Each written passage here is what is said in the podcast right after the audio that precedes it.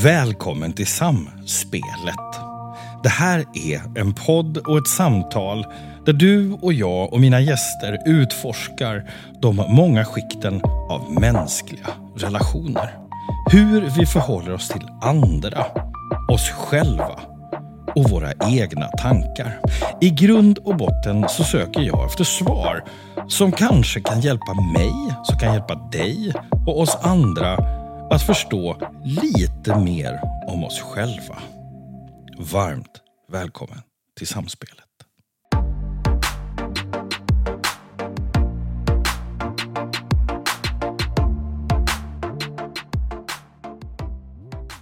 Ja, alltså det, det är spännande med människor. uh, nu har vi liksom pratat innan. Mm. Uh, och det har hänt jättemycket. och, vi, och vi har så här, nej vänta, vi, vi måste stanna nu. vi vänta, det här är content. det här är content. Du, vad, vad har du för relation till dans? vi börjar där. Ja. Um, vad har jag för relation till dans? Mm. Jag älskar att dansa. Um, en del av liksom vardagen på något sätt. Jag har dock, det är ganska nyligen jag börjat dansa. Eh, mm. Så jag har mest innan tittat på dansare och bara känt wow, vad coola de är. Mm. Men nyligen liksom börjat dyka in det själv. Ja, och vad dansar du när du dansar? Eh, kubansk salsa mest. Va varför då? Var varför just kubansk salsa? Det är för att musiken får så här, själen att röra sig. Mm. Lite därför tror jag. Musiken får själen att röra sig, det var ja. vackert. Just, den, just, den, just någonting med just kubansk hals också. Som ja. är djupt. Nu, nu, nu, gråter en gammal kuban i, i, i, i Havanna av, ja. av glädje över att höra det. Jag ska bara säga, det, och det här också kommer från inspiration från eh, en tidigare partner jag haft. Som också var älskare dansade. Och det var mm. därför jag, jag också mm. fick kärleken lite. Mm. Fint. Så det, är det så att du också är med henne när du dansar? Fortfarande? Nej, nej. Okay. du menar rent... Ja.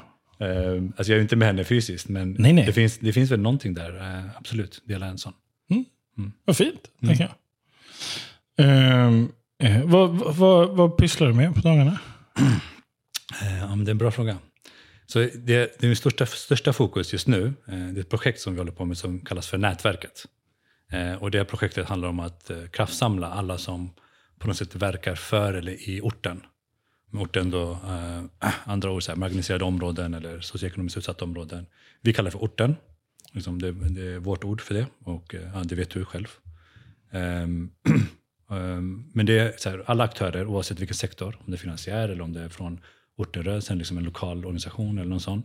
Hur ska vi jobba ihop? Uh, mm. för, att, uh, ja, för att få långsiktigt... Liksom, Varför är du engagerad i just den mekanismen? För mig, det här projektet har jag liksom byggt upp för mig själv. Liksom. Det är fler, jättemånga med i det här, så inte bara jag. Eh, men för min egen del så har jag byggt upp det genom att okay, vad är det jag vill göra? Jag är från orten och jag har alltid liksom på något sätt engagerat mig. Så här, om det är läxhjälp eller om det är liksom, eh, vad det nu kan vara liksom, i området. Eh, det varit, jag är uppväxt i Rinkeby. eh, så det har alltid varit, så här, det varit naturligt. Men sen var jag så här, okej, okay, men jag måste, du vet, jag vill tjäna pengar. Mina, båda mina föräldrar var sjuka ganska tidigt. Liksom. Så okay, jag vill tjäna pengar, jag vill kunna ta hand om dem och så vidare.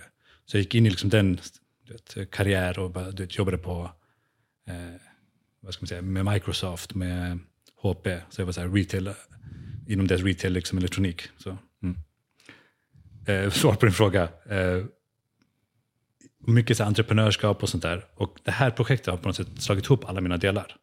Så här, mm. Jobba med både den här orten, men också så här, hur kan vi faktiskt eh, göra skillnad i, liksom, i vardagen för många människor.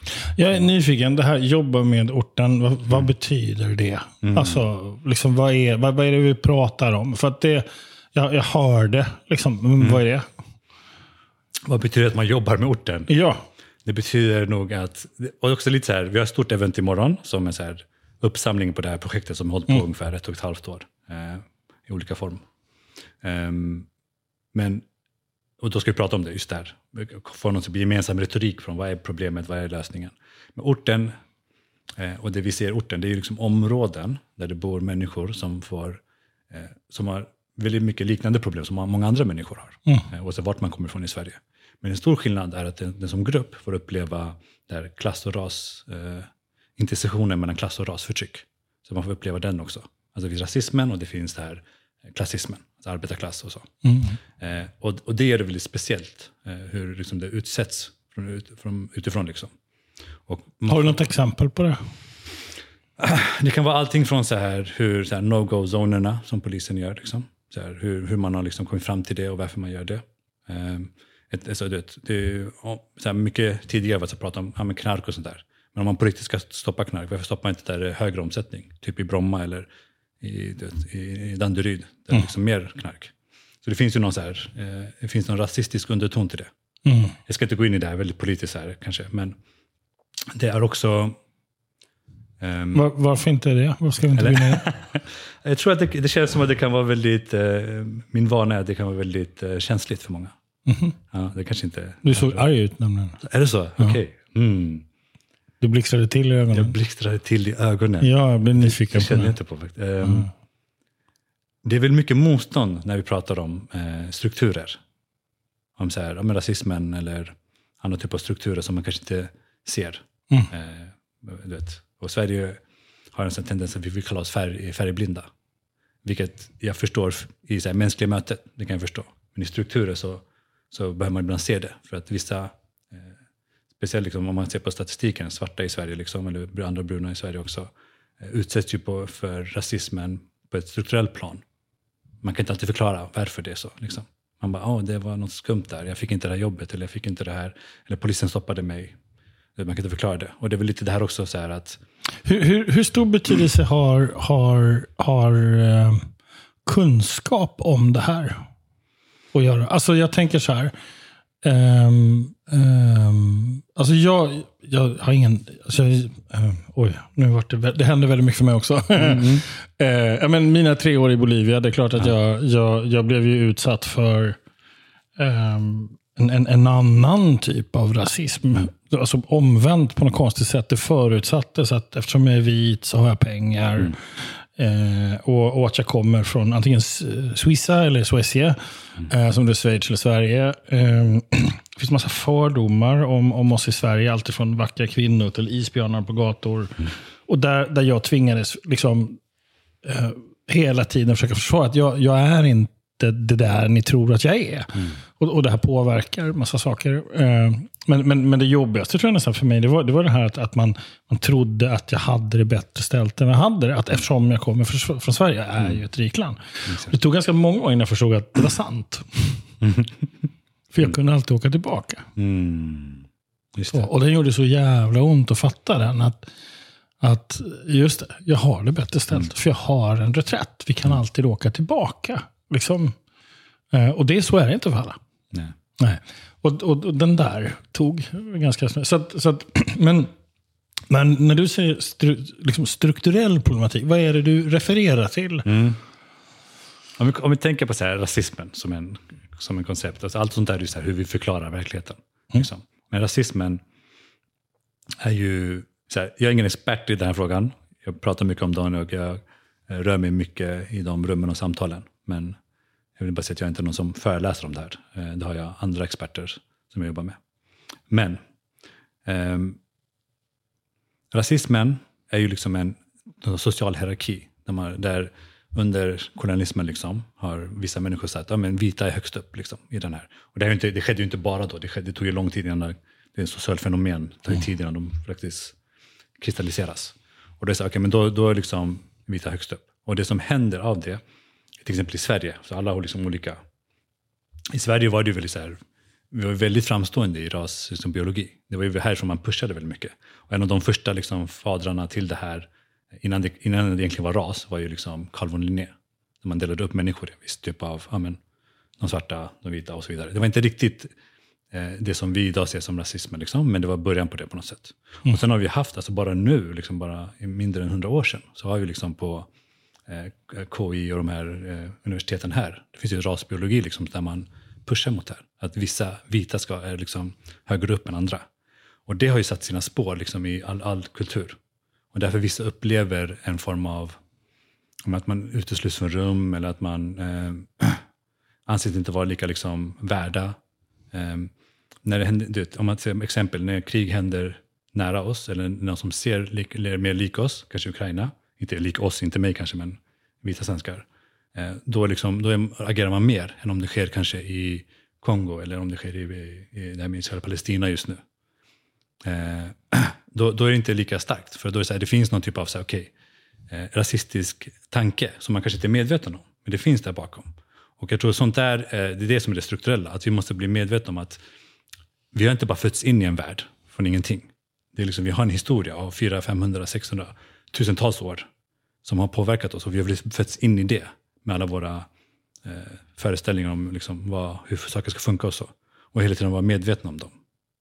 Eh, if that makes sense. En lång It makes sense. Jag tänker, jag tänker att det är också ömsesidigt. Ja. Go both ways. Hur tänker du då? Um, uh, nej men som det mitt exempel jag beskrev, att det, det är i Bolivas fanns det liksom också en annan form av rasism. Mm. Um, som, som kopplat gentemot vita. Mm. Um, den är intressant.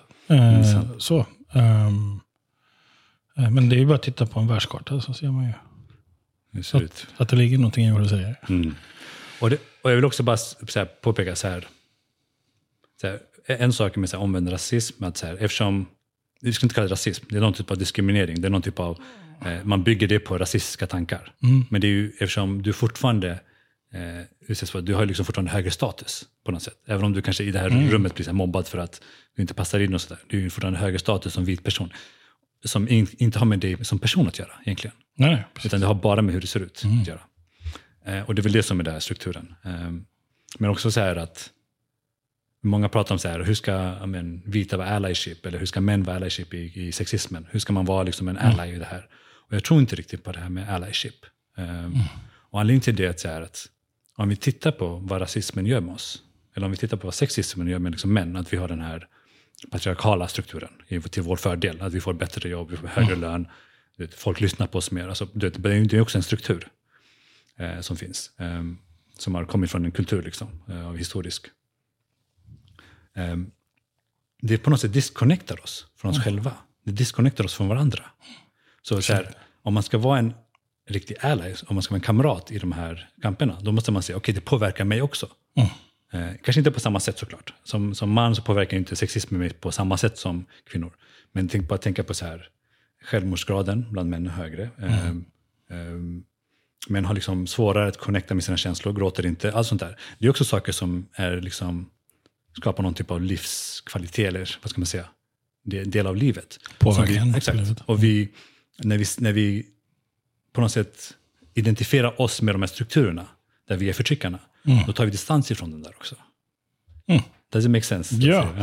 Ah, spännande. Jag är inte heller någon expert. Jag, jag, tänker, jag tänker att jag, jag tycker det är intressant. Jag vet, det är klart att jag fattar att, att har jag ett annat namn, har jag ett annat utseende eh, och söker ett jobb, eh, så är sannolikheten ganska stor att jag inte kommer få jobbet. Eh, och att det finns en, en, en, en systematik i det som är automatiserad. Men det menar jag att jag tror inte att människor egentligen gör det med flit. Och den tror jag är viktig att komma ihåg. Att, att det handlar inte om att du gör fel och jag tycker rätt. Utan det handlar om vad i, i hur vi lever. Vad är det som faktiskt fungerar? Är det så här vi vill ha? Vill vi leva så här?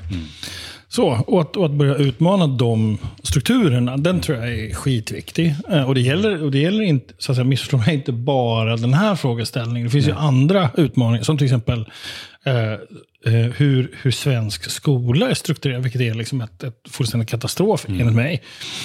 Eh, och, och där man skulle behöva liksom göra någonting helt annat. Det är, det är ett systemskifte som jag är övertygad om att vi är på väg in i när det gäller svensk skola. Men det har tagit många år att komma dit, att belöna lärare för sin kompetens, att skapa strukturer som gör att alla barn får plats, inte bara vissa. Eh, eh, om, om man tar till exempel barn med funktionsnedsättningar, eh, som, som jag tycker bara, bara det är ett helt galet ord.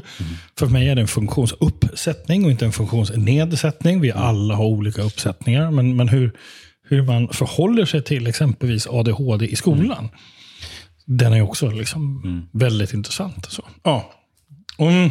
Jag gick igång. men det Men du, finns jag blir nyfiken Ja. på, eh, eh, hur, hur kommer det sig, eh, alltså när börjar det här för dig? När börjar eh, alltså förståelsen för strukturen eller? Ja, för du, kan, kan inte du ta det från början? Du, du, du är född i Rinkeby. Född i Rinkeby. Eh, Fortsätt. Född i Rinkeby till bengaliska föräldrar, båda. Eh, Och eh, jag, eh, alltså, jag tror bara om vi, nu pratar jag om så här, strukturrasismen och sexismen och vi separerar på dem. Min förståelse och min, så här, hur jag analyserar världen, det är att de inte är separerade. De har liksom en samma typ av utgångspunkt. Eh, De är kopplade på många sätt. Men jag tror när jag växte upp där så var det så här, de allra flesta, våra svenskar var finska. Liksom. Det fanns inte riktigt svenskar på samma sätt som i skolan till exempel. Utan vi, det var lärarna. Så. Och resten av, av oss var liksom från olika länder. Så vi gick ju runt. Och med, först när man frågade, vart är du ifrån? Du vet. Så det var det är ingen konstig fråga för oss, mellan oss, när vi växte upp. Eh, men när vi sen började komma ut, liksom, när vi var liksom tonåringar eller när vi var äldre, och när vi började eh, ja, från basketlagen eller vad som helst utanför eh, trakten, då började vi märka att folk var liksom annorlunda, hur folk behandlade oss och hur det såg ut. Det var inte alltid dåligt eller någonting, det var bara annorlunda. Eh, och sen när vi började lära känna vänner som kanske uppväxta i mer eh, i, områden där de kanske var eh, väldigt få liksom, eh, eh, icke-vita. Eh, eller bruna, svarta. De har ju upplevt rasism på ett helt annat sätt än oss också. Eh, så, men det vi märkte kanske, jag vet inte vad, vad mitt svar ska gå mot egentligen. Ja, men, nej, jag, jag är nyfiken på dig. I det där konceptet bara... Nej, nej. Droppa konceptet. Det, we got it. Liksom. Jag tänker, jag är med dig. Med dig liksom. du, Okej. För du växte upp med, med bengaliska föräldrar. Bengals föräldrar. Hur var det? Det var, det, det var bra. Det var... Hur var det? Vilken fråga. Jag hade aldrig tänkt på det. Hur var det? Mm. Ja. det var intressant. Det var ju också så här, en sak som många känner igen sig i. Att så, här, eh, så rik kultur. Alltså det, Mm. Man får, får ta den delen av sig som det, man delar med andra. Maten, vad som helst. Alla mina kompisar älskade att komma hem till oss och käka. Mm. Um, Det fanns den här, du vet, eh, mamma var jättekärleksfull liksom, på sitt sätt. Och, ehm, jag vet inte om det är i specifikt bengaliska kulturen, men bara min Nej, det är det inte. Du, du beskrev precis eh, liksom ett på, på bolivianskt sättet. kök. Liksom. Exakt. Ja. Ja. men du vet, ah, ah, vilka hela världen, Sverige också.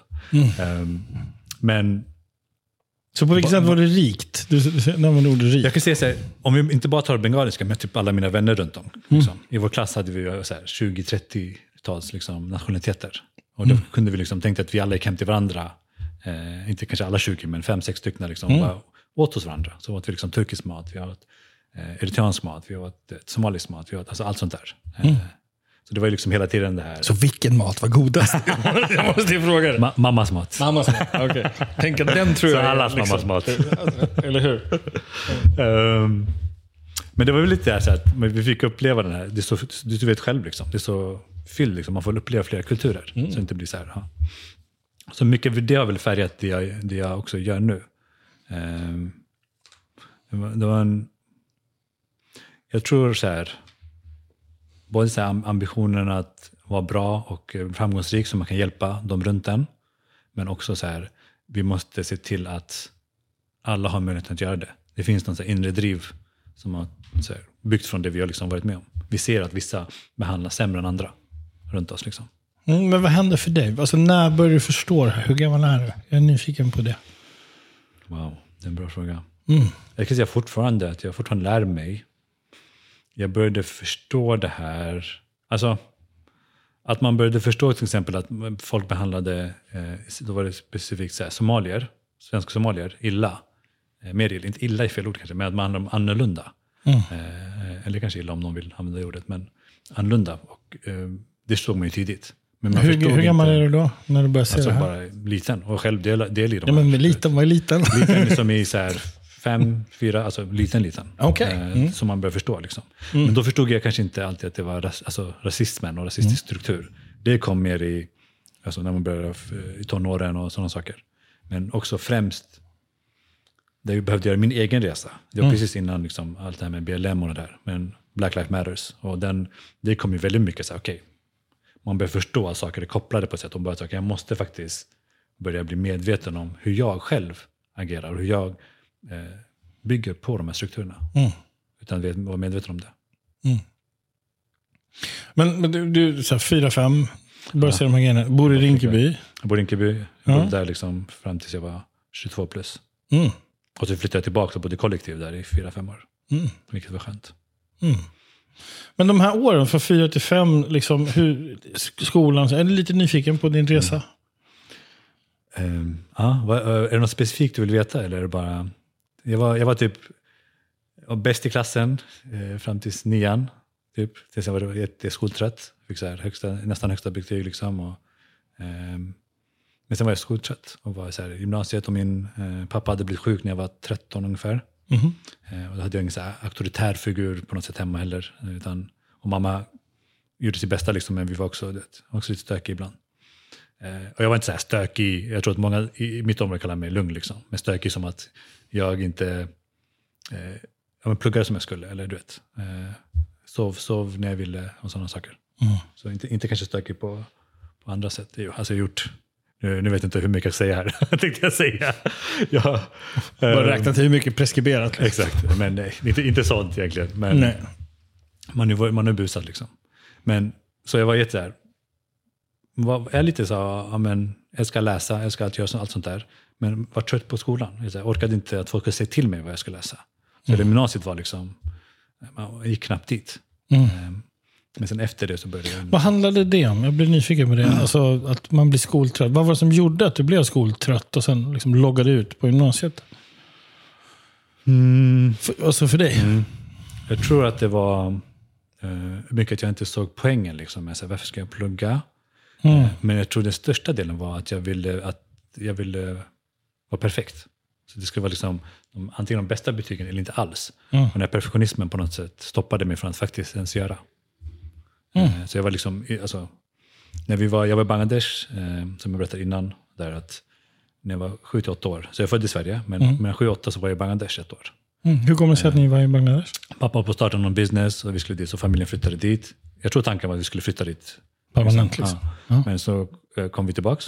Eh, Hur var det? Du är sju till åtta. Hur var 8 det? till Att, 9, förlåt. Ja. ja, åtta till nio. Hur var det att, att liksom komma från, Sverige, från Rinkeby, Sverige, eh, ja, eh, och så landa i Bangladesh? Liksom, det är ju ettan till, eller tvåan till trean. Mm. Exakt, jag liksom. gick hela tvåan där. Ja. Hur var det? Gick du i svensk skola? Nej, engelsk skola. Och, man har inte lärt sig engelska när man går i tvåan. Så Nej. jag kommer, jag kommer inte ihåg första, jag skulle skriva där, så var det en test. Och då var det någonting med, I like to give my teacher an apple. Så ber de mig att skriva, jag har ingen aning vad det betyder. Mm. Och så hjälper de mig att skriva det. Men det var, eh, jag, fick, jag fick komma in i skolan för att föräldrarna betalade, så det var inte något konstigt. Ehm, Men det året var lite annorlunda. För att? För att jag var lite mer instängd. Så vi bodde i Rinkeby, där kunde man på den tiden speciellt så här, från 6-7 år, alltså vi, lekte ju, vi var ju överallt och lekte, alltså i skogen överallt. Man kastade ut oss i gården, man visste att någon av föräldrarna hade koll på, på någon. Liksom. Inte för att de alltid hade det, men så, så var i alla fall känslan av att vara trygg fanns. Mm. Ehm, så kom jag till Bangladesh och där får jag, där får jag inte gå ut för huset.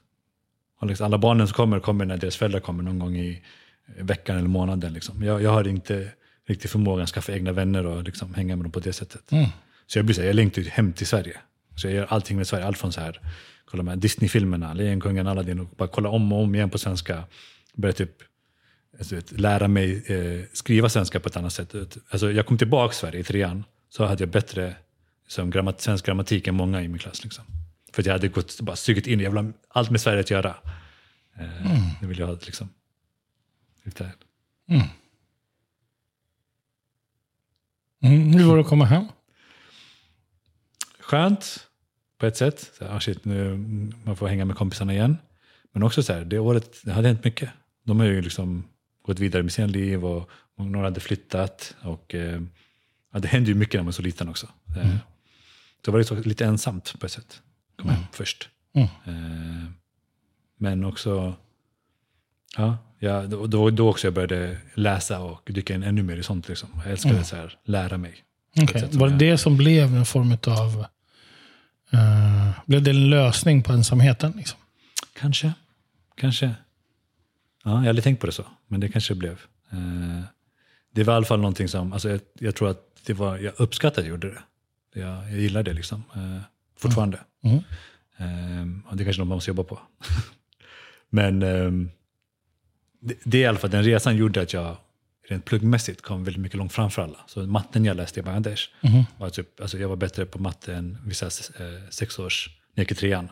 De som gick i sexan liksom, eller sjuan.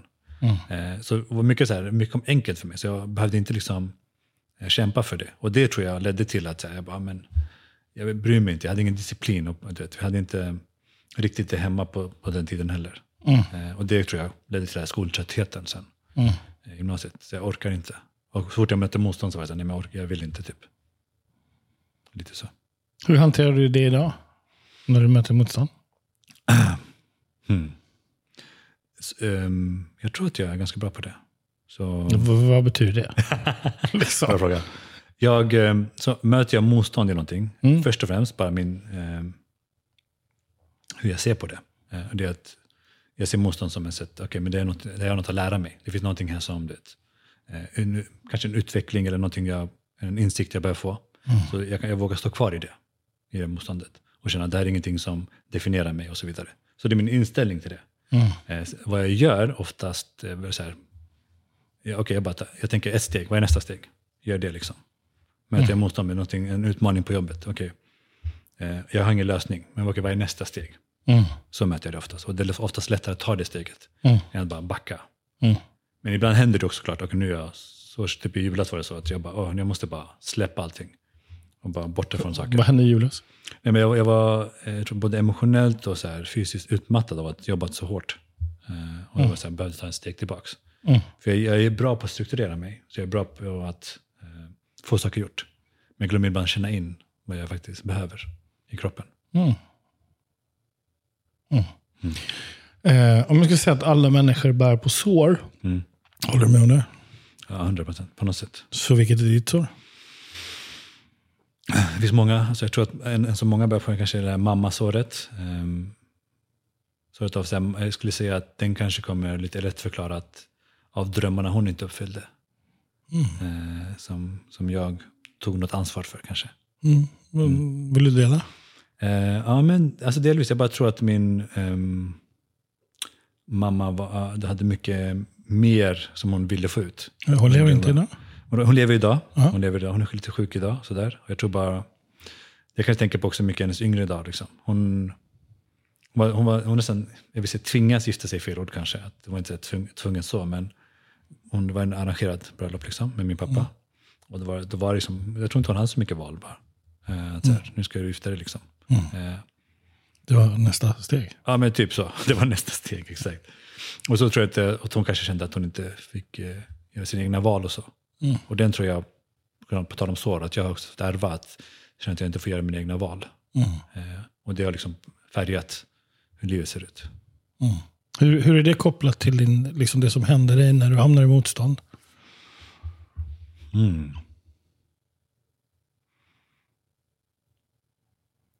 Hur det är kopplad. ehm, Alltså hur hänger det ihop? det är väl känslan av att när jag hamnar i motstånd, fan, det är lite typ orättvis, typ jag har inget val, eller något sånt där tror jag. Känslan som kommer. Ehm, det, finns, det finns många delar där som jag har tänkt på Såklart. som är eh, lite mer kopplade. Liksom, men, mm, det här att också att hela tiden vara den som presterar och vad jag ska göra. Du vet, jag har chansen att göra det jag vill, men det blir också att jag har jättemånga val. Och det blir också en sån här, vad ska jag välja? Ehm, och hela tiden på något sätt att om jag inte är den bästa eller den liksom mest perfekta, då är det inte tillräckligt. Ehm, det är också kopplat till, inte just det såret kanske, men kopplat till det som liksom hände när jag var yngre och så. Ehm, och nu vill du fråga, vad var det? Ehm, hur mycket går man in på här? Precis så mycket som man behöver. Mm. Hade vi haft ett helt samtal jag vet inte en podd spelas in, då skulle jag kanske berättat lite mer djupa saker som jag känns är lite sårbara nu. Men jag försöker i alla fall lite. Ehm, jag tänker det jag har sett ehm, i relation mellan min mamma och pappa. Det jag har sett i, i relation med andra också. Så med, har på något sätt byggt upp en bild av att jag måste hela tiden vara perfekt, annars är inte jag tillräcklig. Det liksom är eh, på något sätt en grund i så här mycket som jag, eh, motstånd som jag möter. Tror jag. Och det kanske blir så här, kon- försöka kontrollera utfallet istället för att flowa med att okej nu kom det här för att jag ska lära mig någonting, eller jag ska ta en väg, en annan väg, eller bara runt den. Liksom. Vad hände hos dig när du började tänka på det här? Det som händer och det som kanske händer eh, i de stunderna, vet jag, jag får en känsla via diafragman. Liksom. Det är någonting som, nästan ångestkänsla, liksom, som, som är stark. Just nu är det inte så stark, men det finns där. Liksom.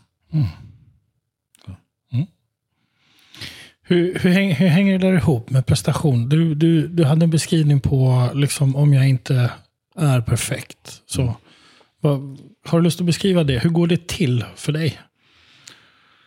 Om jag inte är perfekt så är jag inte tillräcklig. Liksom. Mm, Den grejen. Alltså ordet till, alltså tillräcklighet är ju jättespännande. För det är ju någon form av vald sanning. Det är Exakt. någonting vi har bestämt oss för att, Så för att vara. Ja, en, en egen liten självnorm Exakt. som vi ska förhålla oss till. Eh, Som ofta kommer då från det runt omkring såklart. Men, tänker jag. Ja, också. Och hur man förhåller sig med, med, mot, oj, förlåt, med, med det. Liksom. Ehm, eh, så, så om vi börjar där. Så vad är det att vara tillräcklig för dig?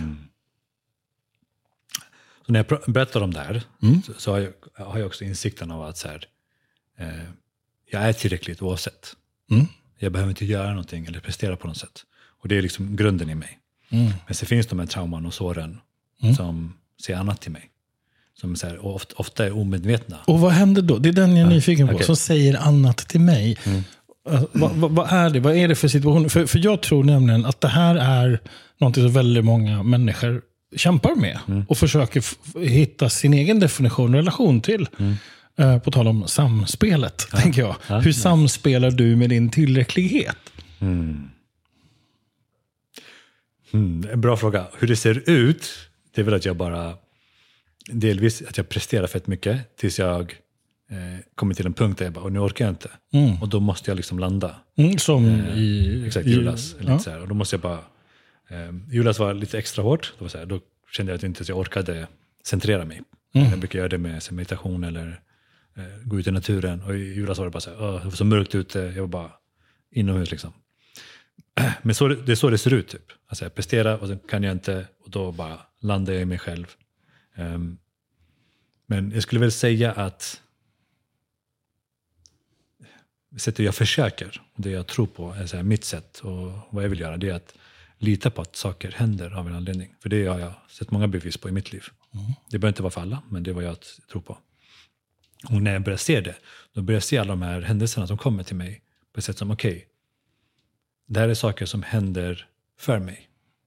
Och det blir ingenting jag behöver kontrollera. Jag behöver inte, om jag hade förväntning om det där så måste jag kontrollera det där. Det behöver inte ske längre. När jag inte är liksom, eh, sinnesställningen eller tillståndet av att så här, okej, Okej, Då har vi tre saker. Tillräcklighet, eh, prestation ja, och kontroll. mm, exakt. De hör ihop väldigt mycket tror jag. Okej, berätta. Eh, Men när jag inte känner mig tillräcklig ehm, så försöker jag ju kontrollera Mm. situationer, människor, vad som helst. Och hur gör du det? Hur gör du för att kontrollera människor och situationer? Det låter hemskt när jag säger kontrollera människor, men det är väl så här hur alla gör. Alltså så här, d- alltså, den som inte ibland försöker kontrollera andra människor, räck upp en hand. så. Ehm, men det kan vara på olika sätt och det är Mm. oftast då kopplat till prestationen. Då. Ehm, att så här, jag känner inte mig tillräcklig om jag inte presterar. Och då behöver jag, om jag har ett team eller om jag jobbar med någon annan, eller om jag ska uppnå någonting, då behöver alla prestera i samma nivå som mig. Liksom. Mm. Inte exakt så, men ändå så här. Ehm, och då försöker jag eh, ja, men vet, säga till dem vad de ska göra.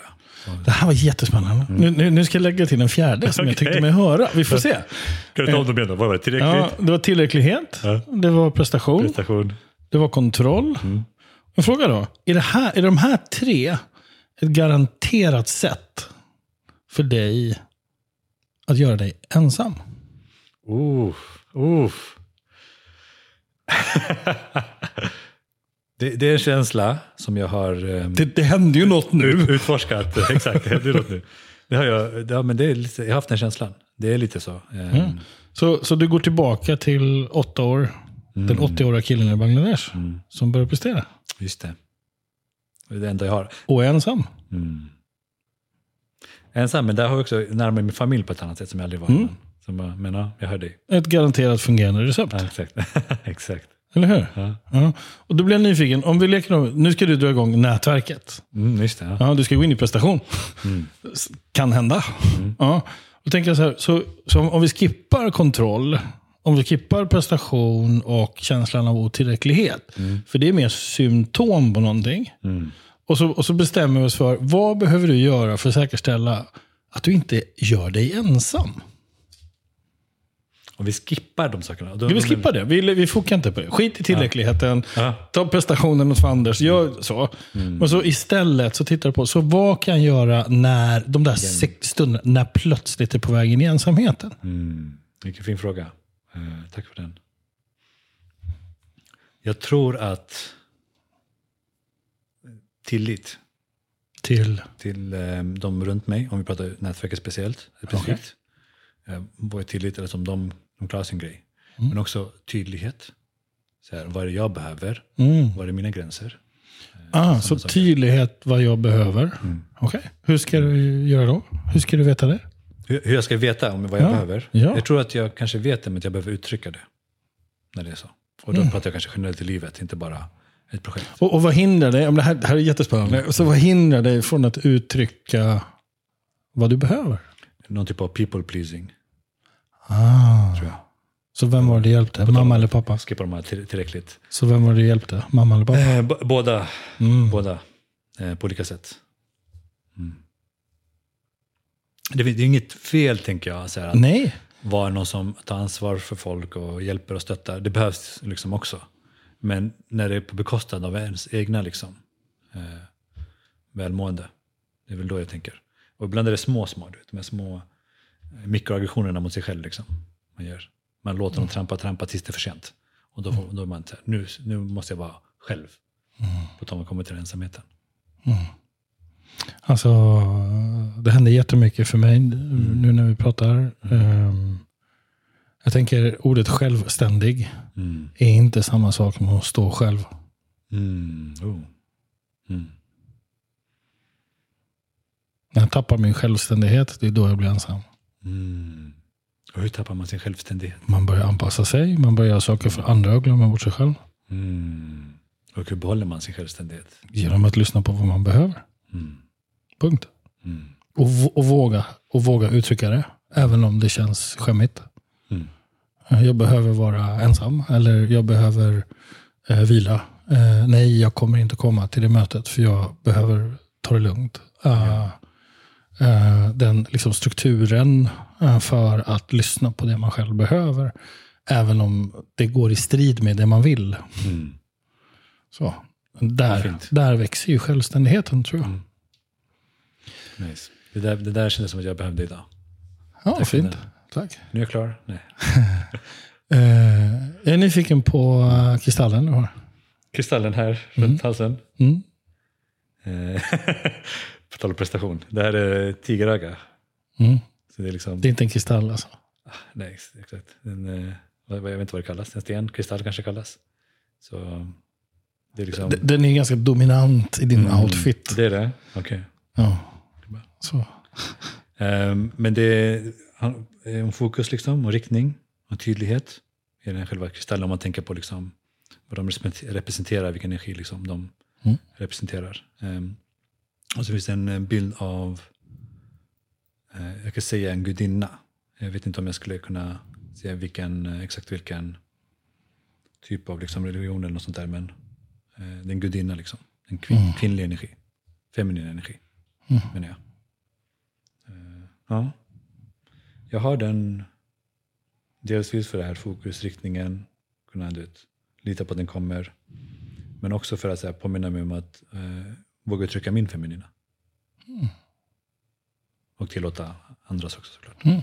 Vilket jag tycker vi, speciellt i det professionella livet, så kallade professionella livet, vi ofta glömmer. Mm. Mm. Så hur uttrycker du det maskulina? Det är väl det här med strukturen, Mm. Ja, målsättningen, eh, planerandet, eh, tydlighet, eh, sådana saker. Vilket jag inte alltid är bra på såklart. Eh, ja. Cool.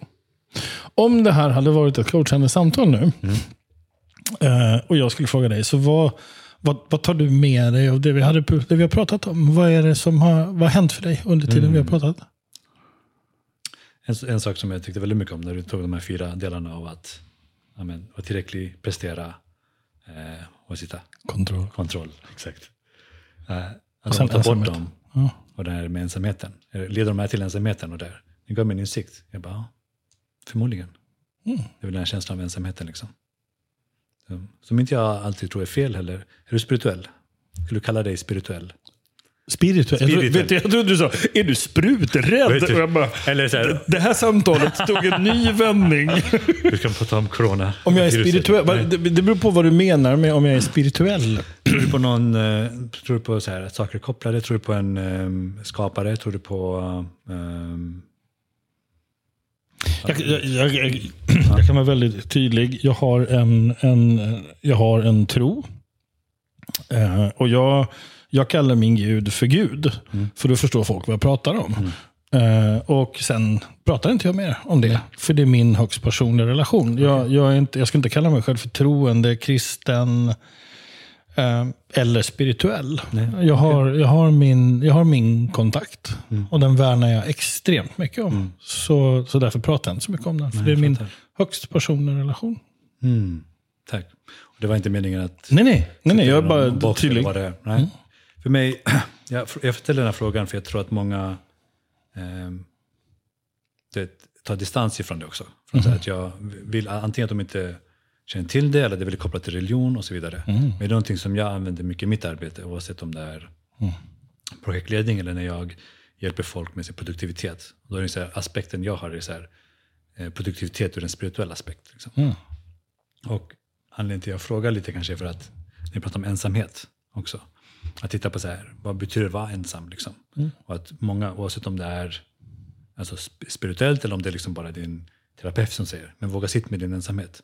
Vad händer då? Ja, exakt. Liksom den. Och, och bara, jag tycker om, bara några, ett tag sedan vi började komma på det, både på engelska och svenska, men ordet ensam, eller en tillsammans, eller vet, och alone också på engelska.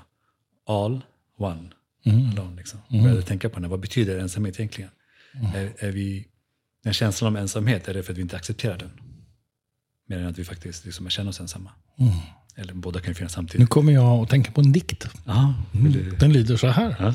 Var och en står ensam Mm. på jordens hjärta. Livnärd av en solstråle. Plötsligt är det afton.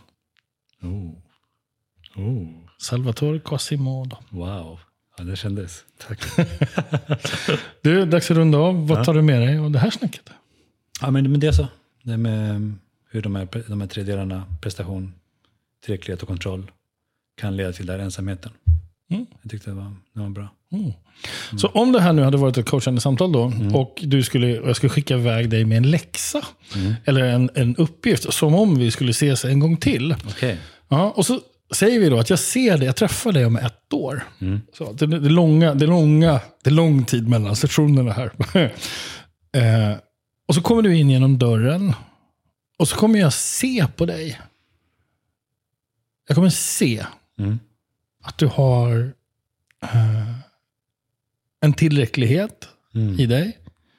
Eh, kontroll har blivit fullständig tillit. Du har gett upp, släppt taget om den gamla, det gamla dramat och såret. Um, vad var den tredje? Eh, tillräcklig kontroll, prestation. Eller hur? Eh, och du har, du har liksom fått en relation till din prestation. Mm. För vi ska ju inte inte prestera, vi ska, men vi ska prestera i, i, i god energi och glädje. Liksom. Då är man ju i flowet. Så, eh,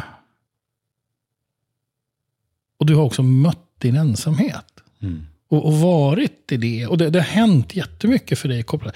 Då blir min fråga, hur kommer jag se det på dig? Mm. Wow.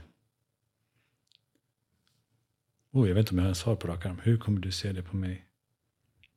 Jag har gjort mycket sånt arbete. Mhm. Och det jag känner kanske, det menar inte att, eh, att jag inte behöver det, utan att det jag känner när jag är inom det tillståndet, när jag känner så, det är väl att mm, jag känns närvarande. Och hur ser du ut när du är närvarande? Hur kommer jag se det? Ehm, Jag möter, möter blicken. Jag, Ja, du möter blicken. Ja, Okej. Eh, men Vad det kanske jag gör redan nu.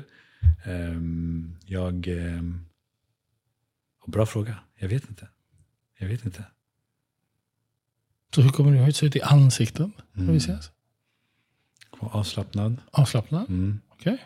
Jag, det jag tänker är så här, känslor mycket, men att jag, jag- att jag inte kommer vara den som kanske letar efter Mm. kontakten, men är där om det finns. Mm. Och den där charmigheten, den där, det där leendet. Var är, var är det någonstans? Om den är där fortfarande, Ja. ja, men det är det jag kanske menar, den kanske är där, men inte... Nu kommer den kanske automatiskt i form av så här, kanske Mm. ett, äh, nej, jag tror inte det, jag vet inte. Jag tror att den kommer vara där. Jag tror att du kommer bara se mer av mig. Kanske Mm. något till smycke i ansiktet. Okej, ett till smycke i ansiktet. Ja, cool. Eh, och bara ja, känna att så här, det känns som, käns, jag pratar mycket känslor, så jag tror att du kommer känna, fan, Mm. Så, så vad kommer vi känner känna? varandra. Så vad är det jag kommer känna? Som att vi, när du- känner, vi känner varandra. Vi har bara träffats, snackat en gång, men det kommer kännas som att vi känner varandra. Okej. Så tror jag. Den där delen, när de här skaran är borta. Mm. Så, det när du kommer in genom dörren, jag kommer inte ge dig mig nu. Så när du kommer in genom dörren och du tittar på mig och jag, vi får kontakt i ögonen. Mm. Det hänger ett till smycke i örat. Eh, och, och, och, och det kommer ett leende naturligt. Mm. Så. Det är inte det här anpassade leendet. Nej, exakt. Utan det kommer inifrån. Ja. Ja. Och du förstår vad jag pratar om. Ja, Ja. Eh, och, och så får jag en känsla av kontakt med dig. Mm. Mm. Så vad kommer jag att känna då? Mm. Jag tror att du kommer känna men någon typ av trygghet i dig själv. Liksom. Handlar inte om mig bara. Utan det känns som att det är ingenting som... eh, Du behöver inte förhålla dig på något sätt. Utan så, så du förmedlar någon form av känsla och trygghet? Jag tror bara om jag är jag eller om du är du, vem som helst. Liksom, om man bara är sig själv Mm. i grunden. Så kommer de runt om känna sig mer bekväma. Mm. Så tror jag. Cool. Hur kommer jag höra på din röst? Att det här har hänt? Mm. Jag andas eh, lite djupare.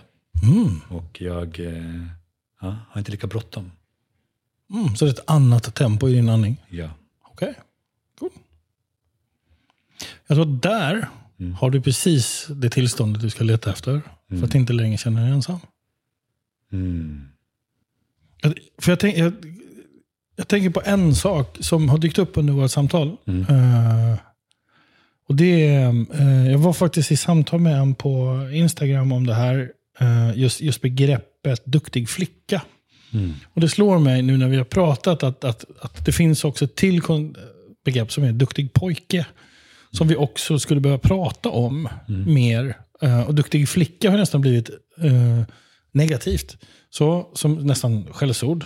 Eh, På något konstigt sätt. Men i alla fall ett begränsande ord på något sätt. Ja, det är begränsande. Duktighet. Liksom. Jag, kommer ihåg, jag, alltså jag kommer ihåg när- jag fick min dotter, eh, så, så var hon med i en, en eh, hon var med i tre barnböcker som jag gjorde. Jag, jag har skrivit tre barnböcker och sådär. Men eh, och det var en tid när, när just det här med, med, liksom, med o- hur vi pratar om våra barn har blivit viktigt. och sådär. Så slår det mig att man pratar ganska mycket om duktig flicka-syndromet. Men vad är ett duktig pojke-syndrom? För det finns också i det. Att, att, att liksom det, här, det här att vara duktig, eh, prestera och liksom se till att duga inom ramen för ramen på något sätt. Vad, vad tänker du om den? Jag är bara nyfiken. Det som först slår mig när du berättar det här, det är ju att om, om jag skulle tänka på så här, motsvarighet till duktig flicka, det är väl det här starka, starka pojkar gråter inte, eller något sånt där. Alltså att man ska inte visa känslor på det sättet. Just det. Alltså det är liksom duktig pojke. Men som jag förstår frågan nu, eller det du pratar om, det är mer som det jag pratar om lite, att så här, prestera och hela tiden vara bra. Just. Hur är det liksom? ehm, jag tänker att mycket, mitt är mycket kopplat till mamma. Mm. Så det kanske kommer lite från där Just. duktig flicka lite också. Um, rent så här, ja, hur jag har fått det. Jag vet inte, vad, vad tror du? Alltså, alltså, tänker du att konceptet duktig pojke är att... ehm, Jag tänker det, det, man, det man säger, när, man säger, när man säger det här duktig flicka. Det är ju en högpresterande person som vill vara duktig, visa sig duktig och har lyckats. Eh, väldigt grovt eh, beskrivet. Liksom. Och, och jag, jag tänker, det, när du har pratat om högsta betygen i skolan, och så här, det är lite samma fenomen. Men jag tänker, det pratar man... Alltså jag hör ju duktig flicka-orden, men jag hör sällan man, man pratar om duktig pojke. Vad är det? Och jag tänker, det är någonting som jag tar med mig. Eh, att faktiskt fundera över liksom den här att det finns en, en, en genusskillnad där också. Mm. Ehm, så. Vad tror du den beror på? Oj, nu är vi tillbaka där vi började. du, du, du plockade dit liksom, det strukturella. Det är klart att det har med det att göra. Jag, jag bara... Eh, ja, men ord påverkar, vi identifierar oss med ord, hur vi pratar, hur vi kommunicerar, det är det som skapar vår identitet och vår identitetsupplevelse. När andra pratar till mig och så tolkar jag det du säger till mig, det, det blir del av den jag liksom förhåller mig till att vara. Eh, och, och, och jag tänker, vi gör upp, vi gör ju upp med de här bilderna vi har av oss själva och andra när vi växer upp. Och, och man sliter av sig rocken från mamma och hatten från pappa. Och, ehm, så. Och då, jag, jag, jag bara, jag hör i, i, liksom, i samtalet att, att ehm, man skulle behöva adressera det här. Att definiera det. Vad är duktig pojke-syndromet? För jag tror att det finns väldigt många som går omkring och är i det. Eh, och har inte förstått att det är exakt samma sak som en duktig flicka. Och att det är ingen genusskillnad egentligen, utan, utan det här är en företeelse som finns i samhället. Att för att duga så ska man vara på ett visst sätt. Och, och, och det där är, en, är någonting som jag tror man, när man växer upp, inser att det där stämmer ju inte. Det är inte det är så. Och det är också kopplat till det här med liksom när vi växer upp. Vi går i skolan. Eh, så. Eh, vi, vi, vi får betyg. Vi- ja, den, den, det, det finns något. Sättet vi liksom mäts på. Liksom. Det ska vara, Ja, precis. Så det, det här är liksom ett samtal egentligen som jag skulle vilja ha vidare. Inte bara med dig, utan, utan man lyfter ut. Jag skulle, vilja, Men nice. jag skulle vilja läsa mer om det här, tror jag. Forska lite och hitta en relation till begreppet duktig pojke. Intressant. För här sitter en till. Och för det är ju det är liksom samma beteende i princip. Ja, exakt. Det är kanske bara för alltså, hur ögonen utifrån tittar på en. Ja, exakt. Alltså, det finns en annan förväntning. Man vet ju att alltså, kvinnor gör ju mycket så här, osynligt arbete på Ja, där. Alltså, det är ju så här, det, och det kommer ju från där. Du Och jag tänker det gör ju den duktiga pojken också. Exakt. Yes. Så det, är- det är ju liksom, ja, exakt. Eh, Det strukturella gör så att det kanske är fler kvinnor. Men det betyder inte att det är få män. Nej. Jag, alltså I det här, jag, jag har jobbat i många år med en modell som heter, den kallas för dramamodellen, Karpmans triangel. Det kommer från transaktionsanalysen. Den, det bygger på att när vi liksom hamnar i ansträngda situationer så tar vi en roll. Eh, och, och, och, då, och har vi väl hamnat där, då, då, då hamnar vi bara i någon av de här tre. Och den, den är ganska pedagogiskt liksom, eh, förklarande. Det, det är liksom, då finns det en förövare, det vill säga någon som har gjort fel. Mm. Det finns någon som har blivit drabbad, ett offer. Och så finns det en hjälpare. Det. Och där hjälparen ser till att hålla igång det här dramat. Det, Genom att vara Mm. the victim triangle. Exactly.